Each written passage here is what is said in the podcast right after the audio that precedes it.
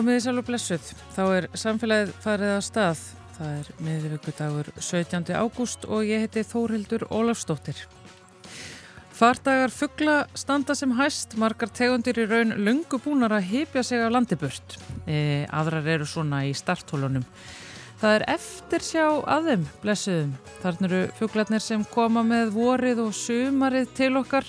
Þeir kerja undir sólinni og nú eru þeir að fara. En á hverju og hvert?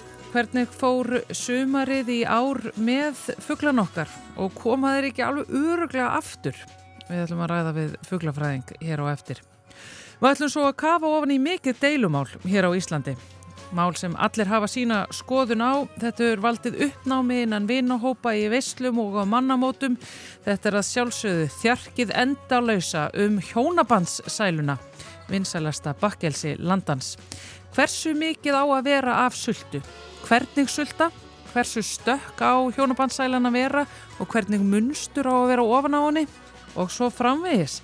Við ætlum að ræða hér eftir við konu sem hefur á samt vinkonu sínum rekið kaffuhús í augri í félagsheimilinu þar í Ísarfjörðardjúpi. Hún býður þar upp á þjóðlegt með kaffinu. Við spjöllum um hjónabandsæluna og flest annað sem við kemur meðlæti og rekstri kaffuhúsins. Og svo revju við upp uh, dýraspjall frá síðasta vetri. Dýra vistfræðingurinn Ester Rutt Unsteinsdóttir ætlar að segja okkur frá leðurblökum. En við byrjum hins vegar á öðrum fljúandi kveikindum, fugglum.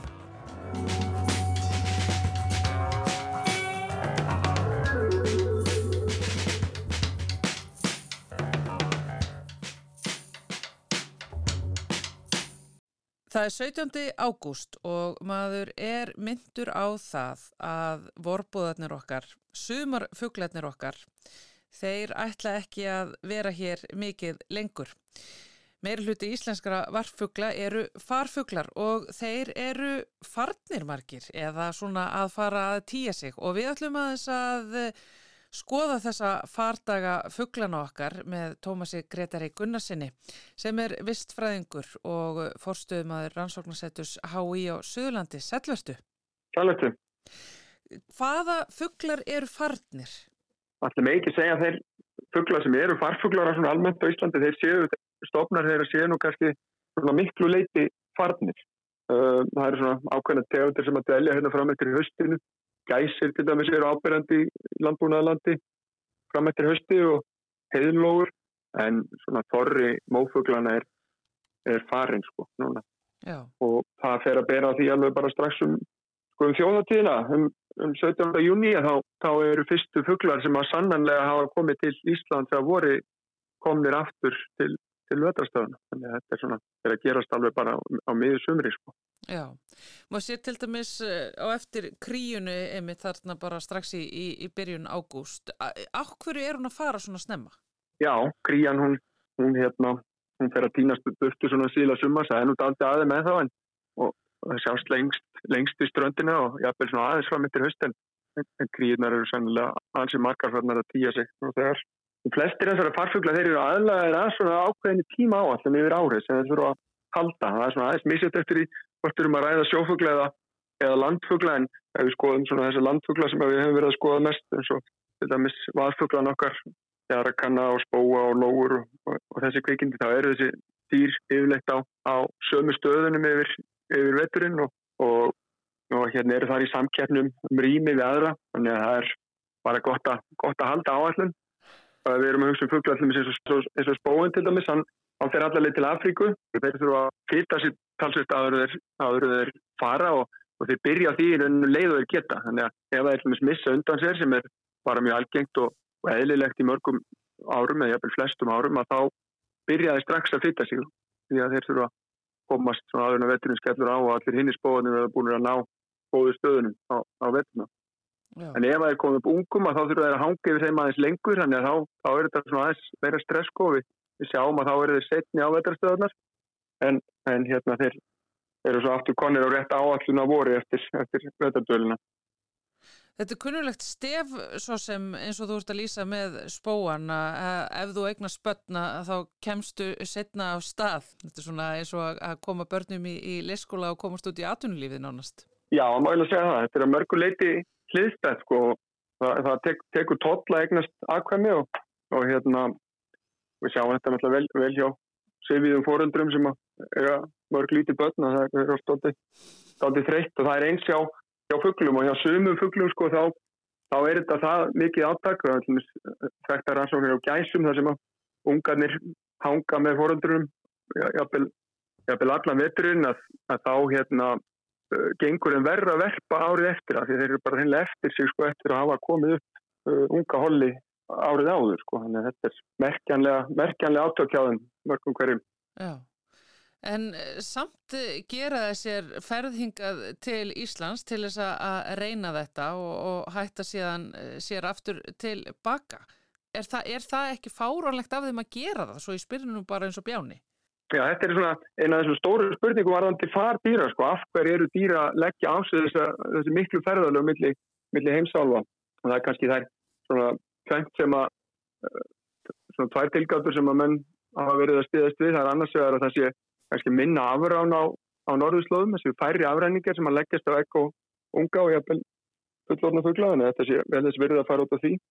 Og hins vegar það að, að það sé mikið fæðuframbóð tímabundið vegna þess að þeir eru konar norðlega slóðir að það þurfu allar lífverður að klára lífsferilinn á stuttum tíma og, og það er oft bæði gróður og smáti sem eru fæðafugla Þetta fer allt í ganga á, á mjög stuttum tíma. Á stuttu sumri þá þurfa blöndunar að klára blómstra og framlega fræ og, og, og smátýrin þurfa að klára sinn lífsferil líka. Þannig að það verður mjög mikið fæðu frambóð í stuttum tíma og, og það er kannski þetta tvent sem, sem að menn halda sé aðal ástæða fyrir farflug. Það er annars vegar þá að minna afrán og hins vegar uh, mikið fæðu frambóð í stuttum tíma og þetta gerir það verkum að það borgir sig fyrir þessi dýra að, að ferðast svona millir til staða í, í stóru stíl.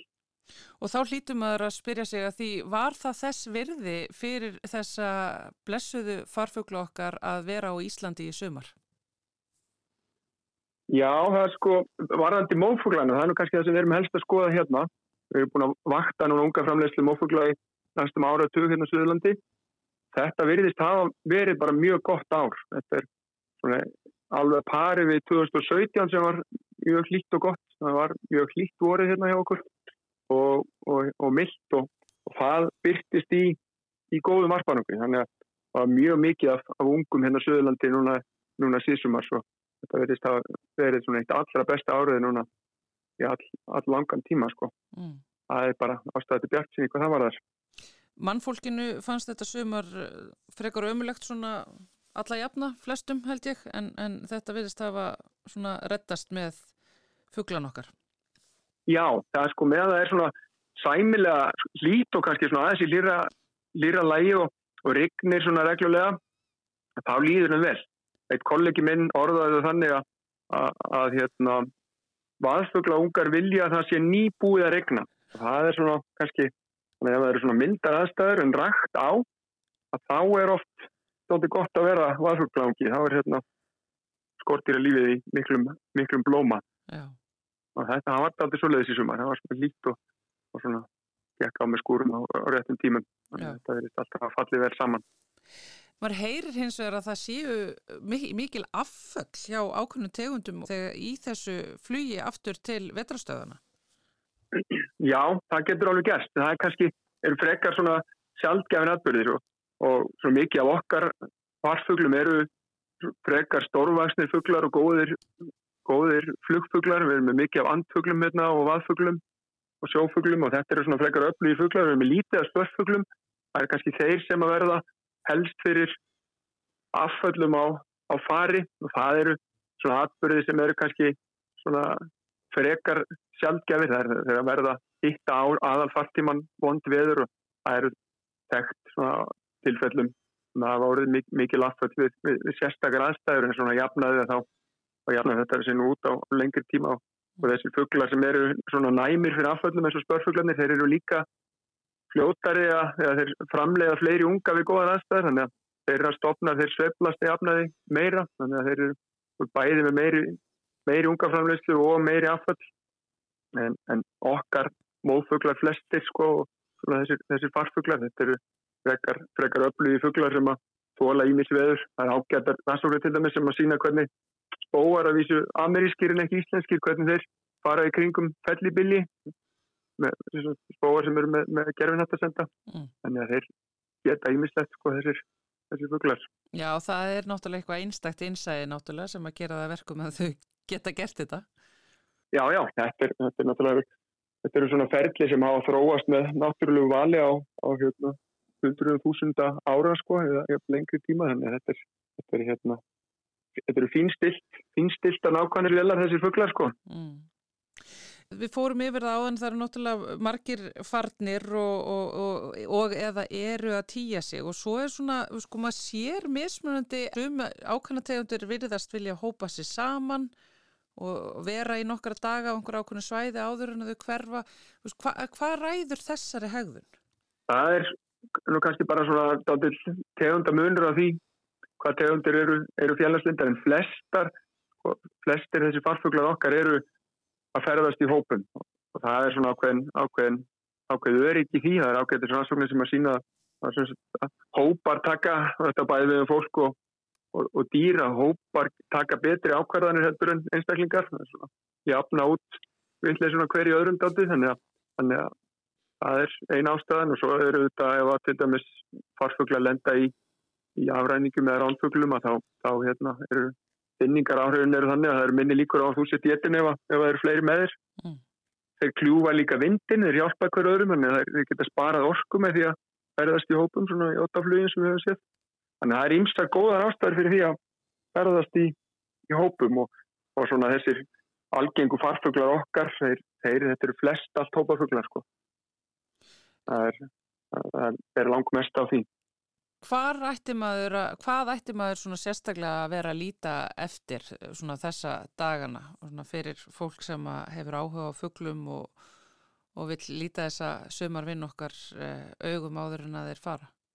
Ég myndi fara neyra sjó, helst það sem eru leirur. Þetta með svo Reykjavíkusvæðin eru margir góðir staðir, dæmis, Leiruvóður upp í Mósusbæ, Fossvóður, uh, fara út í Skerjafjörð líka. Þannig að þetta er svona, það er, sapnað saman við strandlenginu þessi fuglar og, og hérna á er oft mjög gott að skoða fugla mm. á, á höstin. Svo er líka fyrir þá sem á gaman á svona sjálfgæðan fuglum sem að þvælast ykkar, það er höstin og skoðið það. Það eru svona ungfuglar til dæmis, norður-ameríski fuglar sem eru á farflögi og villast aðeins af leið, þeir, þeir dúka hérna upp í ströndina á Íslandi. En svo er náttúrulega svona viða það sem er vatn við, ár til dæmis. Það eru oft fuglar sem er stafnað saman á kvöldin. Það lærir eitthvað nýtt þegar maður sittur út í, í kvöldrökkrinu. Þá koma til dæmis viða svona ungir vaðfuglar í, í nafta, spóðan til dæmis, eru nú meirinn til landsins heldur við, við ströndina. En fjörurnar, það er kannski það er svona aðstæðurinn Fyrir náttúrulega fuggla unnendur um, og sumar unnendur kannski ekki hvað sísta, þá er þetta aldrei erfiður tími verður eiginlega að segjast þegar það þagnar allt svona í kringumanni í náttúrunni. Við erum búin að njóta þessara mánada með söngin í eirunum en, en nú er hann einhvern veginn farin og það er eitthvað svona pínu það er pínu leiðilegt. Já, já, það er það alveg sko. Þetta við sem hefum gaman af fugglum og, og svona náttúrulega almennt okkur, okkur hlakka til vossins að heyra þessa vorbu að koma og svona heyra þessi íslenski sumarkór hefur upp, upp raust sína. Þannig að þetta er þetta þetta státti leiðilegt að sjá að fara en, en, en hérna, þetta fyrir að gera strax svona maður hefur eirun hjá sér og þá, þá verður maður varfið það strax um mitt sumar og það fyrir að þakna aðeins sko, fyrir að fækka í kornum Já.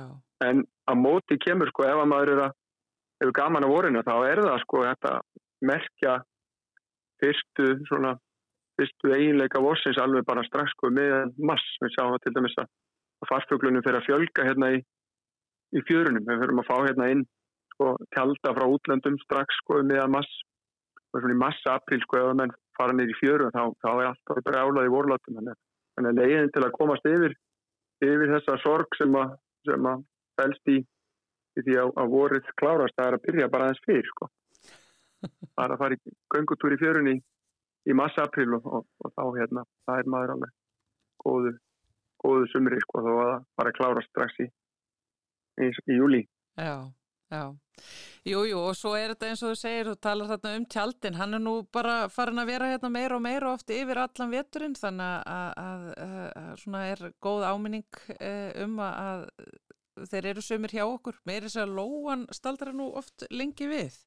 Já, já, þetta er vetur setja svona nálegum slóðum, það er með talað Íslandi, hún er aðeins að aukast og við erum meirinn eins og þú segir, sko, það er sannlega þriðjungurinn á tjaldastofnum sem hefur og döl á Íslandi og, og það er alltaf svona nokkri einstaklingar öðru og lóðurnir eru hérna alveg fram í, í oktober, november sjáum hópa bæði á leirum eins og, eins og á Reykjavíkusöðinu og eins ef það er ófrósið hérna á, á túnum með suðustrandir allri, það er alveg túsundur heil og hérna alveg fram í, fram í oktober, november, þannig að það er svona þetta lengja haustið aldrei á nefndan.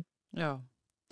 Eh, Tómas, þú segir að þetta hafi verið gott sumar, að farfuglarnir okkar geti farið bara nokkuð ánaðir hérna af uh, landi burt. En svona heilt yfir með þessa fugglokkar sem við elskum svo mikið og ekki hvað síst einmitt mófuglana, eh, eigum við að hafa áhyggjur að þeim? Sko framtíðar horfur íslenska mófugla eru ekki góðar. Þetta eru mjög stóri stofnar og við, við berum ábyrð á stórum hluta heimstofns nokkru tegunda en þeir hafa notið þess hérna þeir hafa haft þennan úttaga daldi fyrir sig á Íslandi. Og mófuglar þeir þurfa lága gróðuræð sem hafi verið viðhaldi hérna með, með söðfjárbeitt lengi. En núna erum við að nota úttagan eh, æg meiri ákjæði í annað eins og til dæmis skórækt, sumarhús, betri vegarsamgöngur. Við erum að fannir að tala um vindmilur líka í vekknum mæli. Og allt þetta gengur á búsaði þessari mófugla.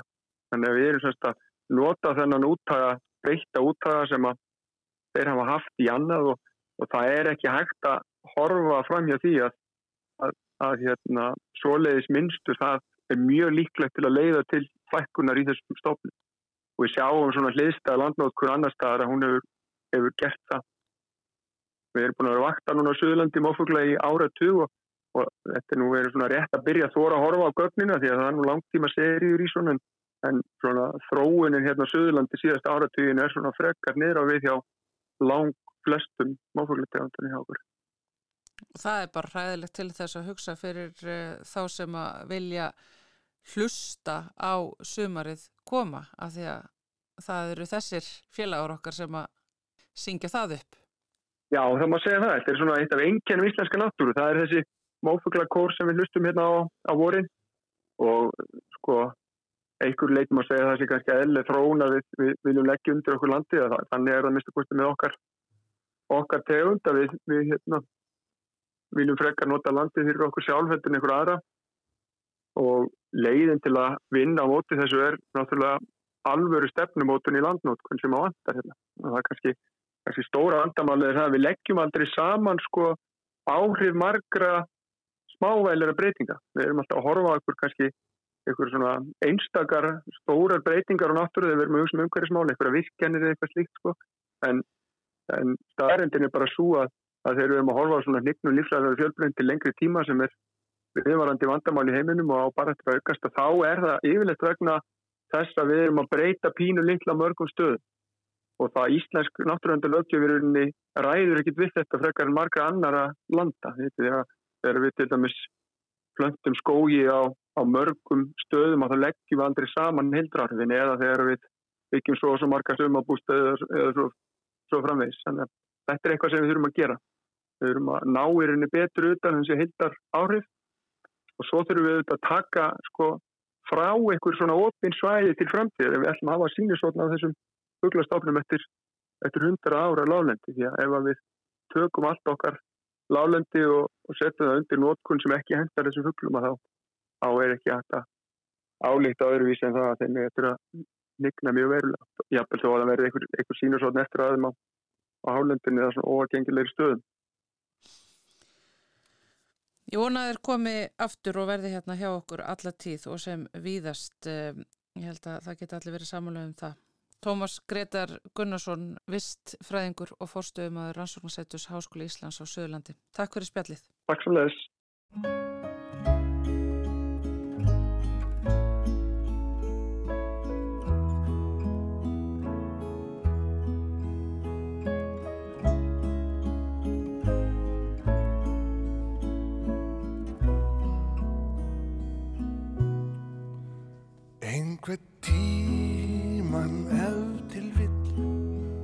svo leiðis. þessum stað mun ástinn hörfa heim til því og hjartan styrum knýja að og innmitt þá og innmitt þar mun ástinn krefja þig um svar og þá er rétt að rifja upp orðin mín. Þau eru styrð þau eru fá þau sjálfsagt aldrei flugin á. Þau munu engað síður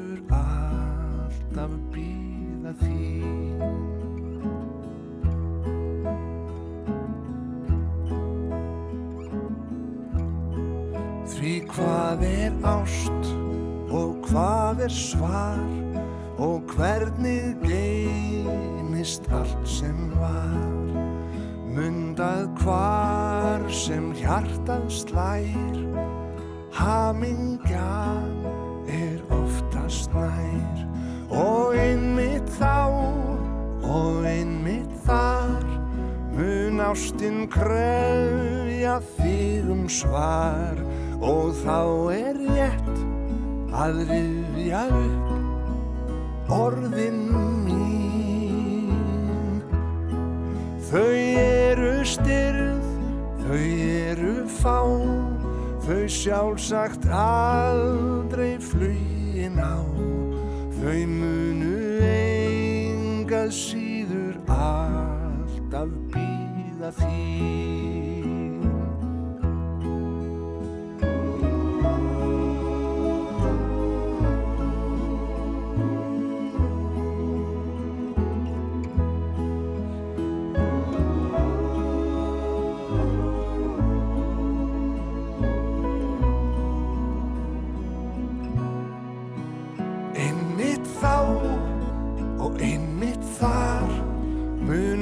ástin krefja því um svar.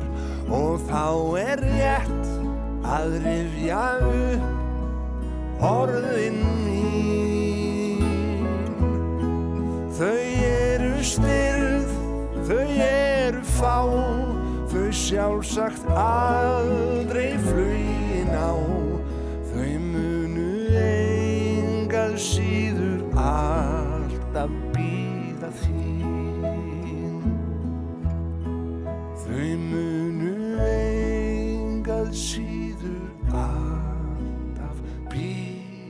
því.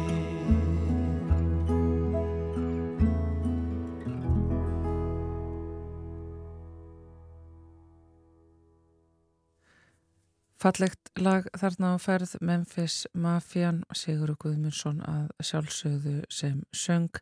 Þetta lag heitir Orðin mín og það var uh, Bræði Valdimar Skólason sem sló saman í þennan hugljúfa teksta.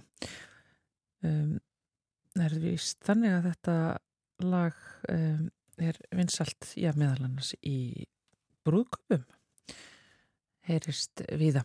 En uh, áfram höldum við hér í samfélaginu. Ég er komin í samband við Jónu Símoníu Bjarnadóttur. Hún er forstöðumadur byggðarsafs vestfjörða en er ekki hjá línunni hjá mér í dag til þess að spjalla um það heldur miklu frekar kaffihúsið sem að hún rekur með fleiri konum í félagsheimilinu á augri. Sælvertu Jóna. Sælublessu. Segðu mér aðeins frá ykkur vinkonunum og þessu kaffehúsi sem að þið rekið þarna í augri.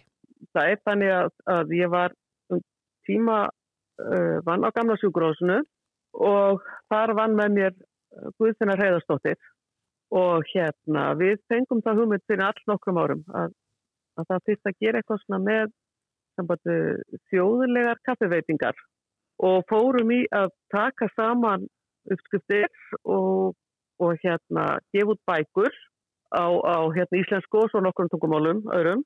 Og svo kom hugmynd að opna kaffihús inn í öðri þar sem að hérna er ekki ferðarþjónusta auðvörtravel og við bara drefum í þessu uh, eins, og við, eins og við gerum. Við bara á bótt hérna, þetta kaffihús og ákvaðum sem, að við myndum fram við, uh, hugmyndin er sem, að, að nota bara sumafríð á vinnunni í það að, reyka kaffihús þarna í sveitinni. Það Og- að fara í kaffihúsarekstur í sumarleifinu sínum, að, það staldra eflust kannski einhverjir þarna við það, það hlýtur þá að vera einhver alveg bara svona djúb þörf fyrir að gera þetta. Já, sko, okkur finnst báðum mjög gaman að, að hérna baka og svona stúsast með, já, svona mat og, og finna, þú veist, uppskriftir og, og velta. Ég hef sko lengi haft mikið náhuga fyrir líka bara svona þjóðlegum mat Mm. og, og, og þar á meðal kaffi uh, hérna, meðlæti og svona skoða þetta aðeins. Og, en okkur, og, og, okkur finnst líka bara gaman að sko, vera í sveitinni og sko hitta allt þetta fólk sem kemur Mm. kaffhúsverð það kemur uh, á vestfyrði koma, þú veist, það er Íslandingar uh, hérna, útlendingar bara hitta alls konar skemmtileg fólk. Þannig að þetta sameinaði svona áhugamálin og svona bara það að hafa gaman að því að stúsast í eldhúsinu og það að bara hitta fólk og spjalla og, og, og maður náttúrulega lærir alltaf eitthvað á því. Þannig að okkur fannst sumar og finnst þessu sumarfríinu bara vel værið í, í að gera eitthvað svona skemmtilegt. Og hvað eru þið að bjóða upp á í þessu kaffihúsið? Já, við náttúrulega erum svolítið að stílina á að vera þjóðlegar. Þannig að uh, veist, við erum með hjónabandsælu og, og svo erum við mýnsa tertu meðan stísudraumin sem að, eða draumtertu, svo hann heitir vist annar staðar, sem að er svona klassísk Já. og allir íslendingar tekja og hún er alltaf hjá okkur. Og svo erum við með skonsutertu sem hefur, er svolítið svona vestfisk, Hvað er á henni? að hangi kjötsalat Já, og það var einhvern veginn þannig þegar við vorum að svo, taka saman líka uh, svona uppskriftir umislega. Þá uh, var það svona oftast um, það sem að, uh, svona fólk nefndi sem var á milli í skonsutertunum. Þannig að við ákvaðum að, að taka það sko. Já, og svo erum við með vestiskar feitikökur sem við bökum á staðnum og svo náttúrulega rúkökur á hangikjött og ymmislegt svona kókoskúlur þannig að við erum svona með svolítið bakkelsi sem að flestir Íslandingar svona tekja og muna eftir uh, svona bara sinni barna sko. Svo, svo náttúrulega blandi ymmislegt annað að því að sko það er náttúrulega þannig að útlendingarnir þeir eru ekkert alltaf mjög gefnir fyrir hérna, rjómatertur, það fyrir algjörlega eftir hvaðan fólk kemur og, og hana, þannig að við erum líka með, þú veist, gulataköku og eitthvað svona sem að þeir sem ekki leggja í að pröfa eitthvað svona algjörlega nýtt, þeir geta verið á því svona auðröku liðinni. já. Ég get ímynda mér að skonsutertan sé einmitt eitthvað sem að útlendingar kannski áttu sig ekki almennilega á. Nei, hérna, það er svolítið gaman þegar að fólk uh, ákveður að taka sénsinn og smakka og hún kemur sko skemmtilega óvart fyrir það sko. Já, finnst hún bræðu mikil það er náttúrulega heldur ekki vanir sko þetta með hangikjöti þannig að það voru gaman þegar einhvern kemur og bara fyrir djúbulögina og ákveður að smakka Já. En þú segir sem sagt að- skonsutertan sé svona uh, vestfyrsk. Um, hva, ég, ég vissi það ekki. nei sko svo er það þetta með alveg svo þegar maður segir þjóðlegt kættamælæti og það sem að vestfyrst svo vestfyrskar fætikökur og svona svo er það náttúrulega þannig að þetta þekkist kannski víðar en það flutti fólk á milli en hún það er eh, sko mér skilst að hún hafi kannski það lengst haldist við hér fyrir vestan og hafi verið algengari sko brauðterta heldur en þessar hefðbundnu brauðtertur. Já, Svo er alltaf svona pínu að segja þetta sko eins og þeir sem að skoða sko gamla matarhefðir líka. Það er þannig að þetta sko fólk flytur matarhefðina með sér á milli landsluta og, þetta svona breytist. Já, sem í skötuna sem að er alltaf kendið vestfyrði en, en var svo sem sko um vesturland svo lifur hún kannski lengst hér og, og, og svo taka, tekur fólk hérðan hana með sér annað. já.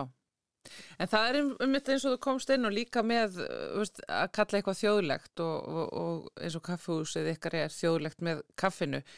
Veist, þetta er náttúrulega mikið til allt saman frá Danmörku, ekki satt? Já, sko almennt koma þessar kökur uh, erlendis frá berast hingað með erlendum ströymum uh, og uh, eins og terturnar sko að því að þegar baka var á hlóðum á Íslandi þá var náttúrulega aðalega verið að baka flatbröð þannig að ég getur sagt svona rúkökur og kveitikökur og það sé íslenskt eins og löfabröðið hefur samt komið vantilega með okkur frá Noregi. Flatbröð þekkist náttúrulega víðarspar í heiminum. En, en það var ekkert mjög auðvelt að baka kannski svona þína tertur á hlóðum. En þegar að koma eldavélar og svona sko þá, þá og þá er það þannig að það er yfirleitt fyrir dönsk áhrif og danir verða fyrir tískum áhrifum og reyndar ennskum líka. Þannig að svona, svona gerist þetta. Uppskriftirnar eiga til kannski langa rætur uh, út í Evrópu Já. í einhverju, einhverju mynd. En þið eruð að halda ykkur allavega í þessu þjóðlega. Þið hafið ekki dottið inn á þennan, hvað hefur við segja, bollaköku, sigurmassa vagn og súrdegið og eitthvað svona sko, sem hefur, allir hafa verið óðir yfir í svona einhverju tískuströymum uh, síðustu ára. Nei, og við, sko, ég var nú bara að játa, ég til dæmis kann bara ekki gera svona sigumassa. ég er alltaf bara svona í rjómatælum, sko. Já, og hérna, nei, en að við, það var svona við, uh, hérna, höfum svona verið alltaf með eitthvað svona aukreitis með, en megin þema þeir algjörlega að hafa það sem við getum kallað svona þjóðlegt og Íslandingar svona tengja við og við getum presenterað fyrir útlendingum sem parta þjóðleiri menningu Mm, mm. og bara eins og, og hjónabandsælan sem að einhvern veginn er, er rosalega þjóðleg en Allir, líka. Umdelt, já. Það er nefnilega líka eitt sem er svolítið skemmtilegt í þessu.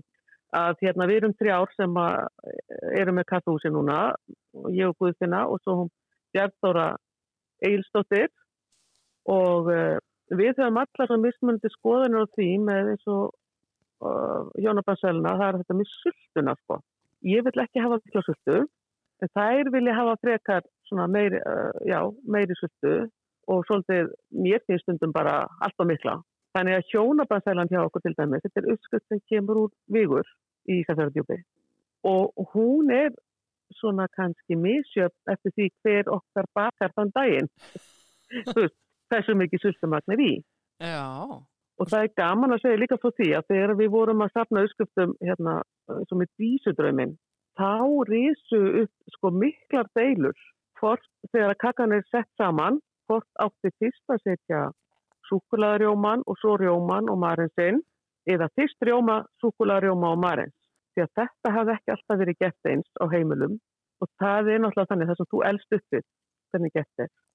já. Það er þið eina rétta. Þetta er svona eitt skemmtilega ángi af, af bakstusmenningunni. Nákvæmlega og ætli það sé ekki einmitt hjónabarsælan sem að sko eru svona hatrömmustu innan gesalappa deilutnar um af því að þetta eru svo margir skólar þetta er annars vegar náttúrulega bara sultumagnið eins og þú ferð þarna yfir hvað á að vera mikið Mhm. sultu en svo er þetta Mhm. líka hvað á hún að vera lengi inn í opninu sko hversu svona eh, stökk á hún að vera ofan á Já, það er líka eitt. Og svo er eitt sem er líka skemmtilegt með hana. Það er þetta með bakstustíma og svo líka hversu mikið á að þekja hana að ofan. Ég til dæmis ólst upp við það að það var eiginlega sko flattur uh, helmi, þú veist, helminguna kökunni fór í botnin og þjappað og svo var eiginlega flatt út lok Já, sem þakti alveg. Aðrir eru vanir að það sé gett í svona sultansi látum koma svona upp í gegnum. já þetta er í strimlum Já, og, og svona eða, eða kurlað ofan á alls konar. Og þetta með á að vera rababarasulta, ég við það sko, eða sveskjusulta. Sveskjusulta Já, sumir vilja hafa sveskjusultu. Þannig að þetta er annar, stó, annar skóli, það er sko hversu mikið að söldu, hvernig sölda og og hversu Já. stögt og hvernig á að, leggja þetta alls saman. já, hvernig þú setur hana saman á sultan að sjást sko mikið í gegn eða, eða ekki og svo framvegð. Þannig að þetta er hérna og maður heyrir alltaf alls konar útgáður. Svo náttúrulega það sem að er, sem að mörgum fyrst áhugavert að smakka hjá okkur, hjónabastæluna, það er að við höfum dropa í henni. Er það úr Og- vigur uppskriftinni sem að dróparnir fylgja? Já, það er þessi möndludrópar og mörgum finnst það áhugaverð samsetning. Já, Ég hafði aldrei smakkað það áður fyrir ég smakkaði vigurkökuna sko. og samþykir þetta? alls konar svona skemmtilegt. Já, þessi þá, hún er bara, mér finnst þetta skrítið fyrst, en, en hún er góð með þessum uh, drópum. Sko, þetta er eins og í kleinu uppskriftum, þú veist. Sko, þetta er, það er að nota kardamómudrópa eða kardamómusítrónu, þú veist. Hvað tól, eh, sko, hvaða feiti notar þú til að stekja kleinutnar upp úr? Já. Þú veist, og alls konar. Þa, það er voða gaman að skoða, skoða þetta. Já. En hvað segja viðskiptavinirnir af því að það er aldrei kannski sama hjónabarsælan og bóðstólum þarna hjá okkur, það fyrir eftir hver er að bakkana. Já. Hva, hvað segja viðskiptavinirnir? Þeir eru vantilega að taka þátt í þessari deilu aftur innan gesalappa um hjónabarsæluna. sko, það er svolítið gaman þegar fólk er að átta sig á til dæmis að það eru drópar í henni og svo er stundum sko það best oft tali þá um þetta að þau skuptum og hvað fólki var og sömum finnst hérna einmitt, það er kannski mátt vera meiri sult í henni, ég ólst alltaf uppi að það væri sett mikil sulta og svona, þannig að hérna, að það er bara þannig þegar ég baka þá er svona örlítið minni sulta heldur en til dæmis hjá Guðfinu Já. það er Það hafa sér sagt allir skoðun á hjónabarsælu, Jóna Simónia, það er bara þannig. Já, og, og, og, bara mjög skemmtilegt einmitt að spjalla við fólk svona, þú veist, og hverju vandist þú og hvað svona þekktir þú úr þínu. Hvernig er svona hefbundin vinnudagur eh, hjá ykkur þarna í kaffehúsinu? Hvernig gengur þetta fyrir sig? Sko, það er hérna, dagurinn er nótt tekinn svolítið snemmi og við hérna opnum tíu, þannig að maður tekur daginn kannski snemma og, og hérna og drekkum morgunkaffi svona út í, í frísaldinni þarna á pallinum. Svo er bara mætnir eftir og byrjað á að, að hérna, setja í brauðið, súpubrauðið og leggja í súpuna. Svona, við erum með svona, já okkar sérstakar súpa er, er svona sveppasúpa sem að er, já, gerð eftir kunstarna reglum eftir Kenjum svona.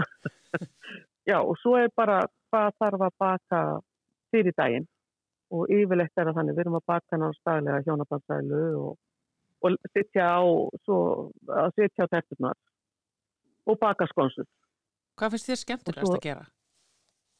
Ég, held að við finnist mest gaman að, að hérna, baka uh, skonsunar og svo hjónabandsæluna og eins fyrir bökum pönnukökum, þess mjög gaman að baka pönnuköku. Það er einhvern veginn þetta þegar að maður er að uh, uh, sko það er þetta með að hafa tilfinninguna fyrir og það er þegar maður er með þannig steg þú veist, þetta hafa maður tilfinninguna fyrir hvern- hvernig degið er nú orðið nógu hvað segja, sko mjúk stund til að ná góðum árangri og, og svona, þetta er svona þínu handverk sem Mm. mm. í kringu það sem ég finnst skemmtilegt, alveg sem er já, eins og baka kleinur veist, þetta er svona ákveðið handverk og ef maður er ekki nógu vel stemdur þá er textbaksturinn kannski ekki alveg nógu vel Já. Það er eitthvað fallegt við það að maður þurfa að vera í góðu skapi til þess að geta gert góða, góðan bakstur. það er svona mæta dæn, kaffibotlinn og hérna horfa djúpið og vera svona bara í dag baka skonsur og, og þú veist, gleðin sko það, það skila góðum árangri En- núna er eh, svona sumarvertíðin að klárast. Eru þið þá hættar að baka og búin að skella í lás og hvað tekur við? Já, við þurftum að skellilega á síðustu helgi. Það var, hérna, það var komin tími á að mæti vinnuna hjá okkur öllum. Þannig að hérna, þá, þá tekur bara við svona hverstasleikin að mæti vinnu og hérna reyndar er ég svo heppin að, að hafa hérna, ég held áfram alls því bakstri og stúsi sko, að því mér finnst það svo gaman að baka. Svo ég hérna, ég þarf að gæfa aðnjótandi að, að vera svona með samning við eina kaffistofu í bænum þar sem ég kem hverjum fyrstu degi með bakkelsi og, og hérna getur örug með það sem að, að að, bakkelsi sé borðað eitt er það að hafa gaman að baka og ef að fáur er í heimili þá er það náttúrulega svolítið vandamál sko. þannig að ég fæ að njóta mín tínu áfram inn í veturinn Já, svo eru við það bara að plana svo uh, næsta sumar sem að stefna á 18. 17. júni eitthvað slið. já, ég ætla að mæta þarna beint í hjónabarsæluna næsta sumar. Svo mikið er víst þjóðlegt með kaffinu þarna í augri. Ég verði eiginlega bara Já. að byggja þig um að skilja kannski eftir uppskrift hérna hjá okkur af hjónabarsælunni úr, uh, úr Já. vigur Jónas Simónia.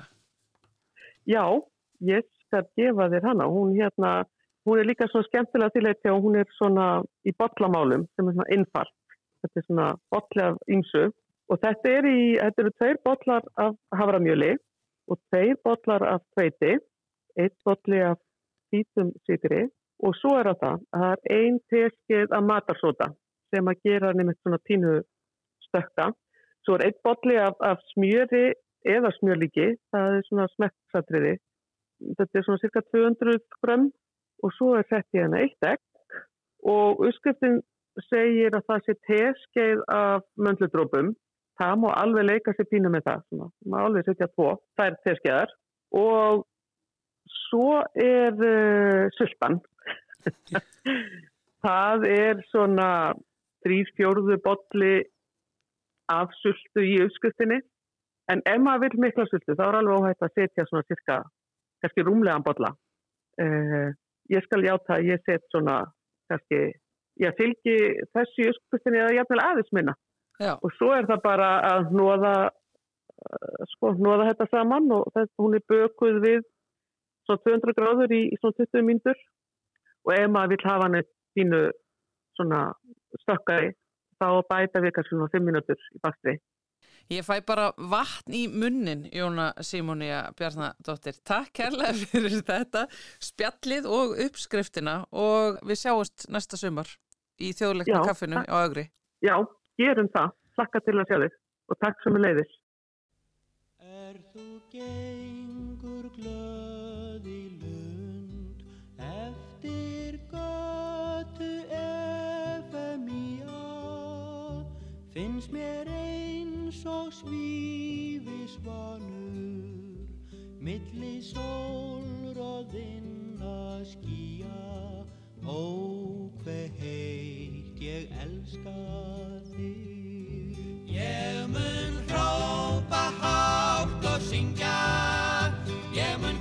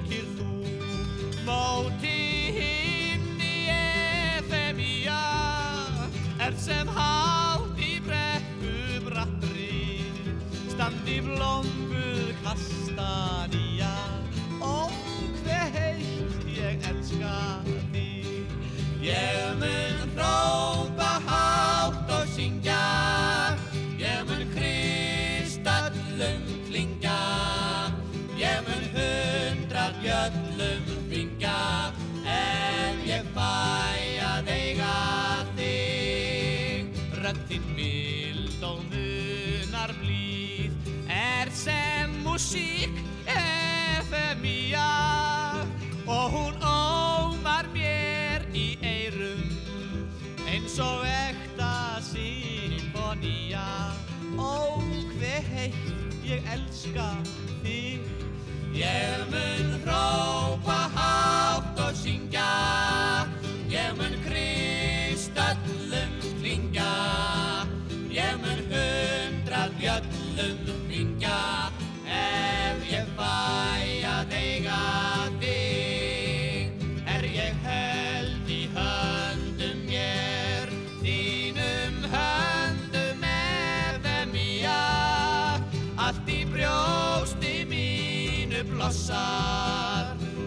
Eins og brennist ein og lía Ó hver heitt ég elska þig. Ég mun hrópa hátt og syngja.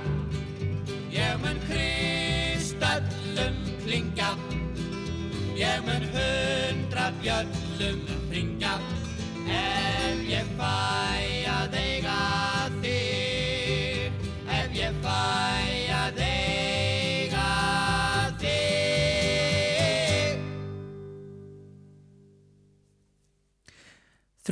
palli kláruðu þarna lægið FMI með sínu lægi. FMI er uh, keltneslag, skost eða írst, fyrir svona eftir því hvert þú spyrð. Það var uh, Jónas Árnason sem að snaraði þessu þjóðlægi yfir á íslensku en uh, upphálega er það nú þekkt undir nafninu Wild Mountain Thyme eða Will You Go, You Go. Og við kveitum hlustendur sem að voru að hlýða á spjall okkar við um, Jónu Simónu sem að er með um, kaffið ásand vinkunum sínum á félagsheimilinu í augri í Ísafjörðardjúpi hér áðan og hafa einhverjar alveg sérstakar skoðanir á hjónabanssælu að senda þær skoðanir endilega til okkar hér í eh, samfélagið, samfélagið attrvaf.is og um, finnst ykkur eitthvað um hjónabanssæluna sem við Jóna rættum ekki um þarna áðan. Einhverja enn aðra tegundasultu heldur en um, rababara eða svesku eða einhverjar ákveðnar útgáfur af uh, efninu sjálfu. Jáfnvel einhverjir allt öðruvísi drópar heldur en möndludrópar en svo við rættum um að þá er ímestlegt í þessu uh, og uh, eiginlega þykir öllum eitthvað um hjónubansælu. En ég held nú að lang flestum þykju nú vera góð. Það bara, ég ætla að reyna að slá því förstu hér.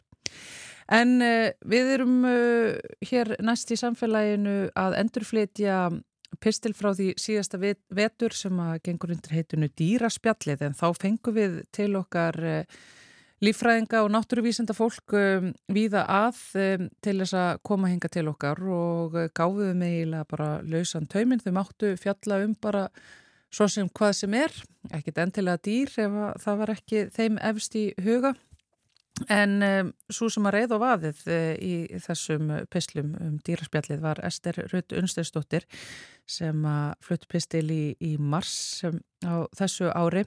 Ester Rutt er náttúrulega spendýra vistfræðingur og, og þekkt sem sérfræðingur í bæði refum og músum. Hún er hjá Náttúrufræðistofnun Íslands en í þessum pisli þá sáðu nokkur ekki frá um, þeim dýrum sem hún sér hafið sér hvað helst í heldur frá leðurblökum og við skulum hlýða á þennan pistil hennar. Í oktober 2019 fór ég á ráðstöfnu Evrópska spendirafélagsins sem að haldin var í Varsjá í Pólandi. Um miðbygg ráðstöfnurnar var farið í stuttakýningaferð í Kampinoski þjóðgarðin sem staðsettur er skamt norðvestan borgarinnar. Kampinoski þjóðgarðurinn var stopnar árið 1959 í því skinni að vernda fjölbreytta náttúru svæðisins og menningaminjar. Í þjóðgarðinum, sem er yfir 38.500 hektarar, er að finna viðfæðmar sandaldur, votlendi, náttúrulegt gróðlendi og fjölbreytilegt dýralíf. Þjóðgarðurinn er vinsalt útíðistarsvæði og þánga komaði yfir miljón manns á ári. Það er fjölmörg tjálsvæði og yfir 200 kílometrar á göngu og hjólastígum. Jáfnframt eru afmörku svæði þar sem umferðið takmörkuð vegna sérstakrar og endar lífrikis. Yfir 70% þjókarsins er þakkinn skógi og í jökulsornum dal við Vistúla ána eru uppeldis og vendunarsvæði fyrir Evrópska vísindin sem hver, finnst hverki viltur nefn í Pólandi. En stæstu hjörðina er reyndar að finna í Bieló-Viesa þjókarðinum sem likur nálagt landamarum Kvítarúslands. Jæðarsvæði Kampinoski þjókarsins sem hefur notið sérstakra vendar frá 1977 næri við marg breytlega vistkerfi á stórum skala, frá votlendi til þurrlendis. Þar má finna um það byrjum 150 plöntusamfélög með yfir 1400 tegundum aðplantna og 150 byrkninga. Jáfnframt er þar að finna um 50% af fánu Pólans, þar af yfir 200 tegundi fuggla og 160 af þeim verpandi á svæðinu. Engjarni stýr kampjóns þjókarsins er elgurinn en þar eru líka ímisönnur vilt spendir svo sem befur og otur, hjartardýr og villisvín. Meðal rándýra eru reysikettir, rauðrefir, frettur, gaupur og úlvar. Á svæðinu jáfnframt mikið um leðublökur og ferðinu var einmitt heitið á slóður þeirra. Þegar í þjókarinn var komið tók á móti okkur umsjónamaði verkefnis sem fjallar um endurheimt búsaða fyrir leðublökur í vanda. Með þessum manni máttu við fara í litlum hópi en á stráng friðasvæði, fræðast um verkefnið og freysta þessi leiðin að sjá nokkra leðublökur. Þarna var hrjóstrukt yfir að líta, gullleitur jarðvegur og valla stingandi strá, en á aðra höndina var þjættur skóur. Okkur var sagt að hér var búið að japna öll mannvirki við jörðu og var það áttið þann hluta sem að hafi verið ofanjarðar. Við gengum áleiðis eftir sandöldunum á stíg sem var byggður úr pallaefni til að gestur myndu ekki skemma jarðvegin eða skaga smátir með trafki sínu. Lóks komum við að lítilli músteinsleðslu með hörð og gengum við þar inn úr ljósinu í myrkrið. Þetta var leiðin ofan í eitt fjölmargra neðanjara byrkja sem staðsettir á svæðinu. Leiðsögumadurinn gaf okkur leiði til þess að kveikja ljós á símónum okkar til að sjá hvar við stigum niður fæti en við máttum ekki beina ljósinu upp með veggjum eða í loftið. Þarna inni voru göng sem lágu fyrst niður á við en svo inn eftir gangi með opum inn í nokkur stór afmörkuð rými eins konar kvelvingar og í fyrstu sín virtist ekkert markvert að sjá. Maðurinn talaði látt og sínd okkur nokkra kassa og klæði sem var búið að setja upp efst í kvelvingunni og voru þetta kvíldarými fyrir mismunandi tegundir að leðblöggum og fengum við að sjá hvernig sumar hengu á baklið klæðis sem hjekka vegnum, þetta voru rauninni bara gamlir kartöflupokar en aðrar kurðu í raufum eða skotum í einhverjum kassana. Í sumum kvelvingunum voru hólur í öllum veggjum, frá gólfi og upp á loft. Hver tegund gatt valið sér sína uppáhaldslegustadi. Í Pólandi búa 28 tegundur af leðuplökum og eru tíu þeirra á válista. Þær er á ferðin á nóttunni og veiða flestar þeirra skortir sér til matar. Á daginn sofa þær í ýmsum skúmbarskotum sem náttúran hefur búið þeim, til dæmis hellum eða rifum í trjástofnum. Leðurblökur leggjast í dvala yfir veturinn og þurfa því aðganga kvíldastöðum þar sem það fá að vera í algjörum friði og rándir ná ekki til þeirra. Til að forðast af rán þurfa þær að vera hátt uppi og sækja því í að vera í hellum eða kvelvingum. Vegna aðtafna mannsins, breytrar landnýtingar og útþenslu þéttbílis hafa náttúrulega búsæði leðublökunna dreist verulega saman. Á þessu griðarsvæði sem við vorum að heimsækja er umferð og umgangur mannfólks ekki leifileg nefnir fyllt umsjónamanns. Leðublökunna koma á farað vild og nota þá lofttúður sem farleið niður í kvelvingarnar. Voru heimamenn afar stoltir af þessari nýtingu á neðanjarðabyrgjunum en það tjáði umsjónamaður nokkur að nú þegar engum detti lengur í huga fari stríð væri tilvalið að nýta þessi mannvirki til einhvers góðs og í þessu tilfelli var það búin að sanna notagildi sitt þó þetta verkefni sé tiltölu að nýtta á nálinni. Ég var fyrir miklum hughrifum í þessari ferð en það fríðarsinni sem hef óbeitt á öllum stríðsregstri. Á ferðalögum um álfuna hef ég af og til rekist á slík neðanjaraðbyrgi og alltaf fundist þau stinga í stúf í falleri og friðsamleiri náttúru. Þarna var okkur kynnt frábær og falli leið til að gera eitthvað gott úr þessum ljótu en umfáksmiklu mannverkjum. Ég fór að leita upplýsinga og komst að því að greiðlönda þessu tægi eru ekki svo óalgengi í Európu. Það hefur heldur ekki alltaf þurft hjálp frá fólki til að gera þau heimilisleg fyrir þá íbúa sem þar búa en um þessa myndir. Dýrin hafa sjálf ákveðið að nýta neðanjörðabyrgin þar sem þeirra náttúrulega búsæði er ekki til staðar lengur. Mikilvægast að greiðland fyrir liðublökur í Evrópu hefur reynst vera Mjetir Sekki neðanjarakerfið í nágrennu við bæin Jétjóperik í Pólandi, nálagt landamærunum við Þískaland. Um er að ræða aflaung en flókin í að neðanjarakerfi sem byggðu voru á þjóðverjum á árunum 1933 til 1945 með fram landamærunum. Göngin er alls 29 km laung og náið 14,5 ferrkilometra svæði. Í þeim eru krókar og kímar Afmarkaða kvelvingar og rángalar með göngum á milli þar sem eru lóðrætt loft-op sem ná upp á yfirborðið. Upp úr 1970 uppgöttaði pólskur leðblökufræðingur að nafni Urbansik að á veturna söpnust stórir hópar að leðblökum saman í þessum niðanjarakerfum. Urbansik og félagar hans telja í það minsta 20.000 leðblökur leggist í dvala á þeim svæðum sem fylgst er með í þessum kerfum og mögulega séu 10.000 til viðbótar í ókonniðum rángölum kervisins.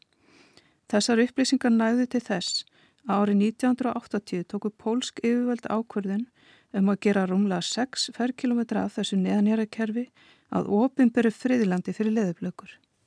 Talið er víst að friðlandi í Nýtjóperek beri ábyrða ákomu fjölda tegunda leðublökum sem hefur fækka mikið í Európu. Einni er þar að finna tegundir sem koma hverki annar staðar fyrir í einn stórum hópum og þar. Merkingar og endurheimtur hafa sínt að fjöldin allir að leðblökum koma langt að, allt frá vesturluta Þískalands til að leggjast í dvala yfir veturinn í Mjetsir Seki byrkjónum. Í Pólandi hafa stríðsminjar því fengið nýtt hlutverk. Í stað þess að vera minnisvarði um tímabild, dauða, skelvingar og eðileggingar stuðla þar að endurist tegunda í vanda svo hægt hefur verið að snúa við þeirri neikvæðu þróun sem hefur blasið við hjá mörgum tegundum evrópskra leðiblakna um langt skeið. Manni hlínar í hjartanu við að komast að því að tilvist þessara gömlu og yfirgefnu stríðsminja er í raun orðin grundvöldu samstars vísindamanna og venda sinna frá fyrrum, fyrrum óvinnalöndum í þáu þess að spyrna á móti fækkum tegunda og bjarga leðublökum Evrópu frá útdauða. Ég bind vonið til þess að vöndun dýralífs verði eina þörfin fyrir nótkun þessara mannvirkja áfram um ókonna tíð.